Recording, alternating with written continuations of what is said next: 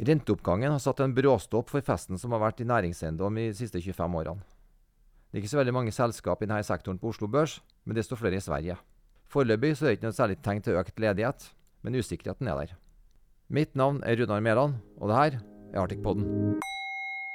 I studio så har jeg med meg kollegaene mine Christian Berg fra Arctics Corporate-avdeling og Mikael Johansson fra vår analyseavdeling. Som svensker så har jag alltid kallenavn. honom, Micke. Mikke. Precis.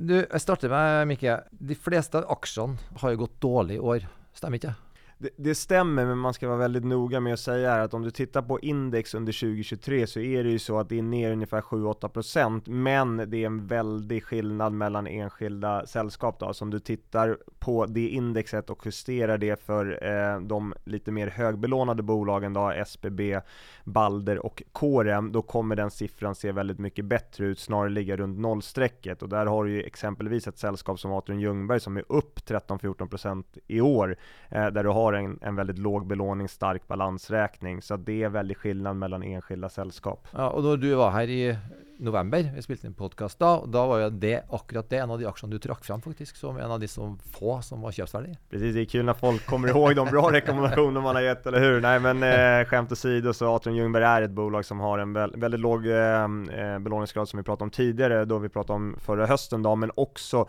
ett sällskap som har en ganska lång räntebindning och klarar den här ränteuppställningen ganska bra och har tid att anpassa sin, eh, sin verksamhet då efter det ränteuppstället vi har, vilket vi inte kan säga om alla sällskap da, i ja. sektoren. Du, det er jo renteoppgangen som har, eh, som har skapt eh, utfordringene her. Eh, og de kommer jo opp pga. at inflasjonen har kommet opp. Men i leiekontraktene så er det jo justering for uh, inflasjon, KPI. Får selskapene gjennomslag for uh? Ja, jag vet när jag var här i, i höstas så var det, vi pratade väldigt mycket om det, att inför Q1 så skulle det vara extremt mycket fokus på just den punkten. Skulle bolagen få igenom de här enorma KPI-justeringarna, det är ändå 11% tillväxt på topline som vi pratar om här, men min bild av det är att det faktiskt inte var några problem att få igenom dem, det finns något enskilt undantag, men absolut att bolagen fick igenom det. Jag vill också passa på att säga en sak till där faktiskt, vilket var att för första gången på väldigt länge så såg vi lite marginalexpansion i sektorn i vissa bolag, och det jag menar med det är att topline växte 11% men det var många bolag som också lyckades stärka marginalen trots allting som pågår, vilket gör att du faktiskt hade en ännu större tillväxt i driftöverskottet. Så det var, det var positivt. Det gäller inte alla sällskap, men vissa enskilda, och det har vi inte sett under de senaste 5-6 åren. Och vad då med ledighet? Eh, uh, Lejetakerne fortsatt där? Ja men än så länge så är den problematiken vi ser i sektorn driven av eh, finansiella problem egentligen. Operationellt så står de här bolagen väldigt stabilt än så länge. Däremot tycker jag att man i det första kvartalet börjar se vissa, vissa tendenser på lite operationell svaghet. Vi hör rykten i marknaden om att det är svårare att hyra ut, eh, ledigheter börjar komma upp lite grann, eh, hyresnivåer är under lite press. Men genomsnittligt i Q1 rapporteras en ekonomisk vakansgrad på 5% det ska man ha klart för sig är väldigt lågt. Är det samma tillfälle i Norge också? Eh, så som jag tolkar det, men Christian jag tittar på dig om du vill addera någonting där. Det är samma i Norge och vi ser lit, väldigt liten grad att ledigheten ökar. Och det är flera grunner till det. Ehm, jeg jag tror Norge och Sverige har ju inte varit lika kan man säga eksponert mot dette med ekstremt hjemmekontorfokus som det har vært i en del utenlandske europeiske byer, hvor man ser at det er veldig mye større behov for, for hjemmekontor, og selskapene ser at de trenger mindre kontorplass. Ehm, ledigheten i Norge øker lite. Ehm, men som sagt, vi er jo tidlig i den fasen hvor man ser liksom følgene av dette med hjemmekontor. Som vi snakket om litt tidligere, dette går jo også veldig på dette med liksom hvordan er arbeidsmønsteret til kan si, folk i Norge og i Sverige, kontra f.eks. London, New York, andre steder, hvor folk kanskje har halvannen times reisetid til kontoret. Og det er klart Hvis du tenker at du har en ansatt som må bruke tre timer av dagen sin på reise til og fra kontoret, som kan gjøre samme jobben hjemmefra, så sier det seg selv at det er kanskje mer fornuftig at den type folk jobber i veldig mye større grad hjemme ja, hele uken. Ja, Da er jo selv køen i Oslo en bagatell sammenlignet ja. med det. Så det vi egentlig har, da Vi har en uh, vi har en finansiell utfordring, inte en operationell krise. Ja. Nej, helt enig i det och jag tycker det är de, en av de viktigaste poängerna att lyfta fram är att det är extremt noga att man följer den utvecklingen, just den operationella delen och också gör skillnad mellan enskilda sällskap. För att risken för vakans här framgent kommer skilja sig väldigt mycket mellan individuella bolag. Så att än så länge är det mer finansiella problem som vi sa än operationellt, men det är väldigt viktigt att fortsätta följa den operationella biten tror jag i alla fall. Och Christian, du jobbar ju då med finansiering. Det har du gjort i 25 år, vart hvert fall. En 30, kanskje. 25 pluss. Det er mye forfall som kommer. Hvordan opplever du refinansieringsmulighetene? Enn så lenge, og jeg tror vi skal fortsatt se at vi har et greit marked for refinansiering. Eh, de nordiske bankene er Europas mest solide banker. De håndterer denne situasjonen med å få refinansiert eh, underliggende kundene sine. Vi ser obligasjonsmarkedet, og der må vi skille litt mellom, mellom si, det pantesikrede obligasjonsmarkedet, som primært er det jeg jobber med, og det usikrede obligasjonsmarkedet det pantesikrede obligasjonsmarkedet, hvor, hvor kan du si da långiverne har pant i en konkret eiendom, det ser vi at uh, i veldig stor grad får vi refinansiert på greie vilkår med eksisterende långivere. Uh, men vi snakker jo i mange tilfeller at selskapene må kanskje inn med noe mer egenkapital, sånn at du har en mer belåningsgrad som gjenspeiler det man opprinnelig gjorde transaksjonen på.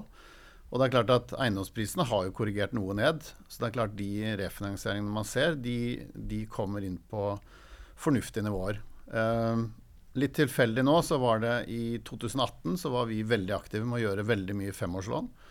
Eh, vi har gjort så langt i år en 16-17 refinansieringer på lån som ble da tatt opp i 2018. På det tidspunktet så var det vanlig å gjøre kan du si, rundt 65 pluss-minus uh, på norske eiendommer. 60% i Sverige. Altså belåningen? Belåningsgraden. Uh, så har vi sett selvfølgelig i perioder, altså inn til kan si For halvannet år siden så hadde du kanskje en belåningsgrad som var nede på lavt 50-tall, eller kanskje lavere.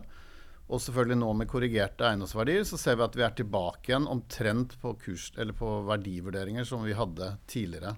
Som gjør at det refinansieringsbehovet man ønsker, hvis man skal ha en samme, belån, samme lånebeløp i dag, så er man omtrent på de eh, belåningsgradene man hadde tidligere. Ja, og hvor mye har da renta steget eh, kontra for fem år siden? Ja, du kan si vi hadde På den tiden så gjorde vi jo mye lån på rundt 2018 så lå vi vel sånn all in på drøye 4 så er det klart vi hadde, når rentene var på det laveste i Norge Det var jo første gang vi så kraftig utgang på kreditt... Eller det er feil å si kraftig, men det er klart sommeren 2021, når vi hadde femårsrenten i Norge nede på 0,3, eh, og markedet hadde aldri vært bedre, så hadde kan du si, livselskaper og pensjonskasser et sånn absolutt krav på, på liksom minimumsrenten. Så vi lå, det var veldig få som hadde interesse av å gjøre lange lån på under 3% rente. Og da så vi faktisk at lite økte litt, fordi du skulle kompensere da, for å komme til 3 all in. Og så er det klart, med de transaksjonene som ble gjort da sommeren 2021, så ble det gjort ganske mye lån.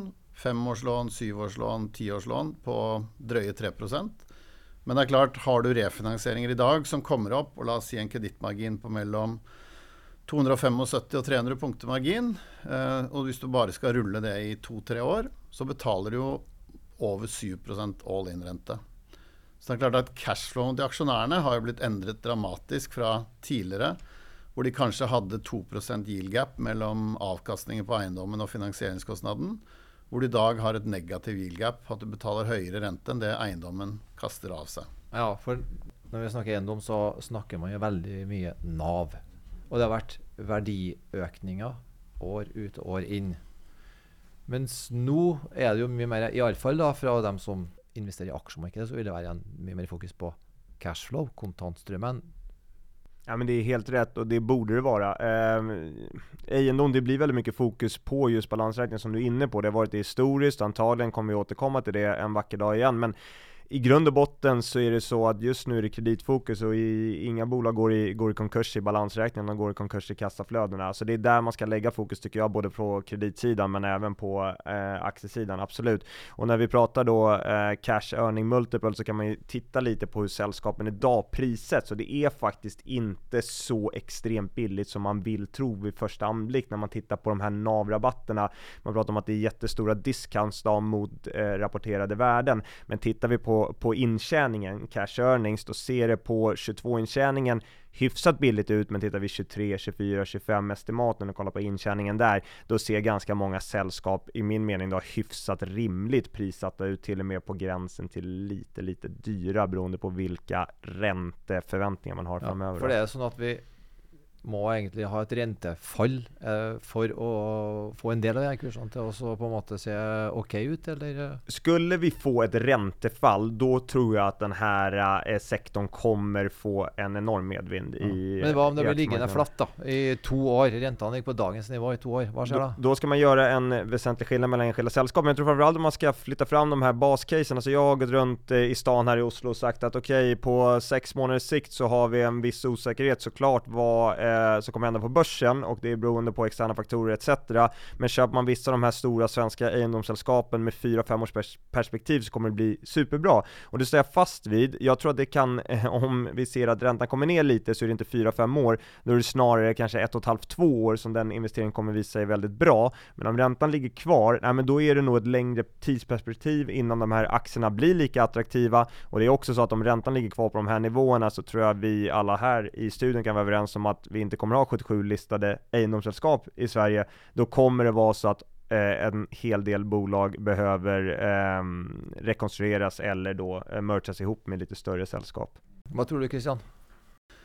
Jeg tror vi er gjennom det verste når det gjelder balanserestrukturering for de fleste selskapene. Det er enkelte selskaper som fortsatt må gjøre mye. Eh, men hvis vi tenker oss underskogen av spesielt i Sverige, eh, Eh, hvor vi ser det er veldig mange bolag nå som sliter pga. rentekostnadene er såpass høye.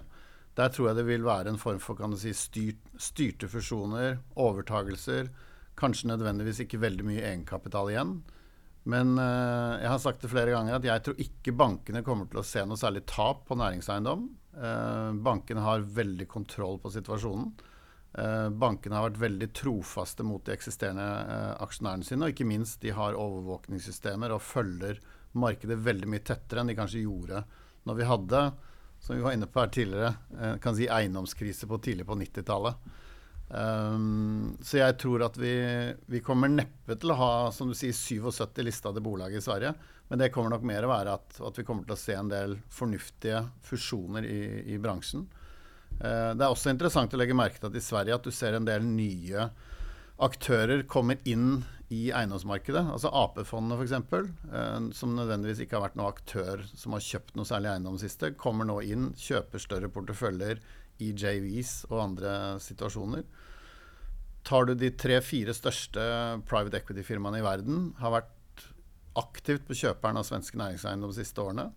De er på leting etter ting i Norge også. Eh, I Norge har du mye mindre grad kan du si, behov for å slanke balanser, så du ser veldig mye mindre kan si, selskaper som må selge. Ja, for det er stor forskjell på Norge og Sverige når vi snakker næringseiendom. eh. Ja, det er det. Altså, I Norge så har vi jo for alle praktiske formål ett likvid eh, børsnotert selskap med Entra. Og så kan du si er Entra egentlig likvid med to store hoved, svenske hovedaksjonærer som kontrollerer 70 av selskapet. Men det er klart, Entra har jo vært offentlig ute og sagt at de ønsker å slanke balansen noe. De har fått gjort eh, noen transaksjoner, men eh, det kommer ikke til å være noe større salgspress fra store børsnoterte selskaper i Norge. Ser vi på de store familieeide eh, eiendomsselskapene i Norge, så ligger de med, med, med belåningsgrader i dag på pluss-minus 50 som gjør at dukker det opp attraktive eiendommer innen deres kjerneområder, så kommer de til å være på kjøperen.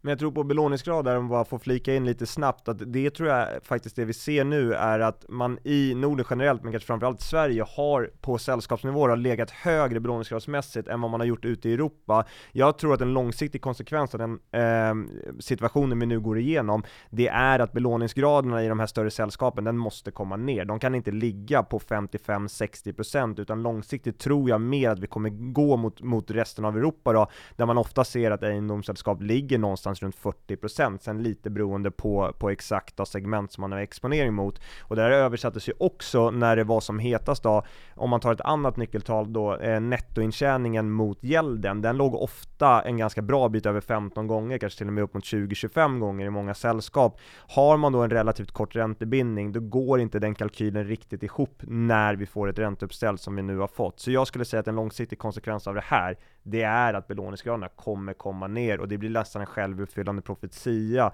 när kassaflödet du får i hyresintäkter också drar av kostnader och så vidare inte riktigt räcker till för att betjäna gälden i det här ränteläget om du har 60% belåning. Men da må det enten det må selges eiendom til gode priser, eller så må det emitteres. Ja, en, en av vi de har jo två. sett eh, Castellum, det är värt ut 10 miljarder. Eh, så här med facit i hand så är det ju fler sällskap som borde agerat mycket snabbare och jag är fortfarande väldigt förvånad över, inte, över att fler egendomssällskap i Sverige inte ställde sin utdelning, vilket Castellum gjorde ganska snabbt efter att Akelius kom in i bilden då. Eh, I mitt huvud hade det varit mycket bättre för de här svenska sällskapen att inte ge sina aktionärer en, en eh, avkastning på kort sikt, utan hålla kapitalet inhouse och använda det för att refinansiera skulder istället. Ja. Vi ska snacka om eh, enkelaktier, Micke, vad säger du då?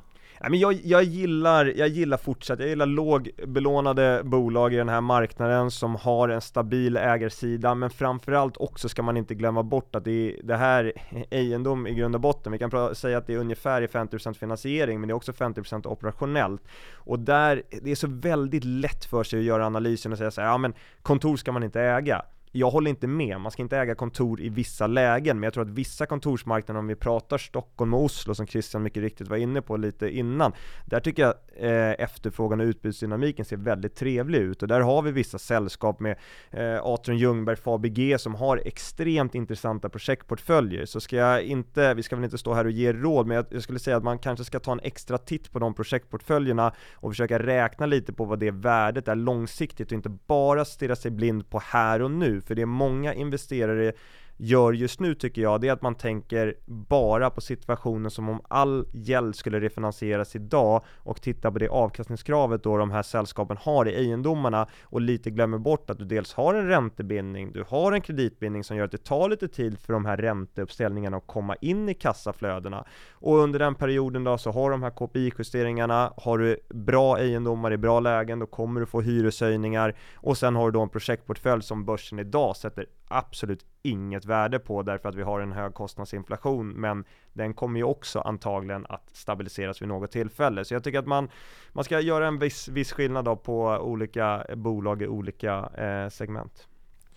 Det har varit mycket snack om eh, SBB. Vad de skiftade eh, ja. Eh, först så tänkte jag att han var norsk, men uh, Ja, precis. Eh, Leif, Sinnes, ja. Nej men han har ju varit, eh, jag tror att det är cirka 20 år eh, på Akelius, eh, större delen av tiden som, som CFO, kommer därifrån, har, eh, skulle jag säga, ett ganska stort förtroendekapital hos investerarkollektivet på kreditsidan, det är den han har fokuserat på och det är en person som alltid alltid har pratat om safety first. Det har varit väldigt mycket prat om att det ska vara låg risk, det ska vara eh, stabila eh, kassaflöden från bra fastigheter i bra lägen. Det är, det är hans mantra. Jag tror att han har en ganska god ställning i det nordiska banksystemet och jag tror att det faktiskt är rätt person för att försöka komma in och på något sätt skapa, återskapa ska jag säga, ett visst förtroendekapital hos eh, både börsen men kanske framförallt i SBBs fall då, kreditgivarna. Ja. Det är en spännande situation att följa. Avslutningsvis, Christian, har du några kommentarer till det vi har snackat om? Alltså det som är trenden ofta ute är ju att, sånn som idag, så är ju liksom Hører du på de stora amerikanska förvaltarna så är liksom kontor De hører liksom om, om liksom Seattle, Washington, New York, där det är liksom masse kontorledighet. Selvfølgelig en situation av dette med korona och hjemmekontorer. Eh, delvis också i London. Men det är klart, du är i en annan situation i, i eh, Norge och Sverige än det vi har internationellt. Tillbaka till eh, kan si, ut, etterkant av eh, korona så var det sånn liksom ingen skulle röra köpcentret. Men det är klart, köpcentret i Norge är ett ställe som folk liker att gå på. Kjøpesentrene gör det jättebra. Så att det at du plötsligt har sånne perioder där liksom en assetklasse är helt ut, är jag helt enig med Micke. Kontor tror jag fortsatt kommer til att vara bra. Men det är klart, du skal være eh, det är stor skillnad på kontor igjen. Så det är klart, har du nya bra kontorer i bra områden så vil det vara greit. Eh, men det är klart, har du äldre bygg där det måste göras masse rehabilitering. Ska du få de ansatte tillbaka på kontoret så är det jo inte i tillegg bara detta att ha kollegialer runt det. Men du tränger också ha fina lokaler där speciellt yngre ansatte ønsker å komma på kontoret. Har du då gamla loslitte kontorer du sitter idag med 28 varmegrader ute och du sitter och svettar med dålig aircondition och, och kedliga lokaler så är det lättare för folk bara att fortsätta vara på hemmakontor. Och Mikael, det är ju krävande tid, men det, har väl, det är fruktansvärt länge sedan det var så spännande att vara analytiker på egendom. Jag måste säga det att det är förbaskat kul att vara analytiker inom A&O. Och det är tuffa tider som du säger, det har varit några tuffa månader. Det är klart att det inte alltid är kul när, när eh, vi har en negativ utveckling på börsen och det är många stora utmaningar framöver. Men det är precis det du säger när det är så extremt spännande tider. Och jag, jag tror inte folk eh, på investerarsidan riktigt har råd att inte följa det här, för det kommer vara så himla mycket saker som sker och oavsett om du är intresserad av krediter, aktier, gå lång, gå kort, det finns så väldigt många möjligheter här som kommer bli väldigt spännande att följa. Så det ser jag fram emot eh, med, med, med stor glädje faktiskt. Ja, nej, det är väl det. Jag tror det är fjärde podden vi har på det här temat nu på ett eh, dröjt halvår. Vi ska selvfølgelig eh, följa upp. För de som är Arctic-kunder så har ju Micke både analyser och ett extremt bra ukesbrev som kommer varje fredag. Jag gläder mig till att läsa det varje dag. Eh, tusen takk for at dere stilte opp her. Eh, vi kommer tilbake med mer og nye, flere oppdateringer på denne sektoren ja, over sommeren. God sommer. I like måte. Like måte.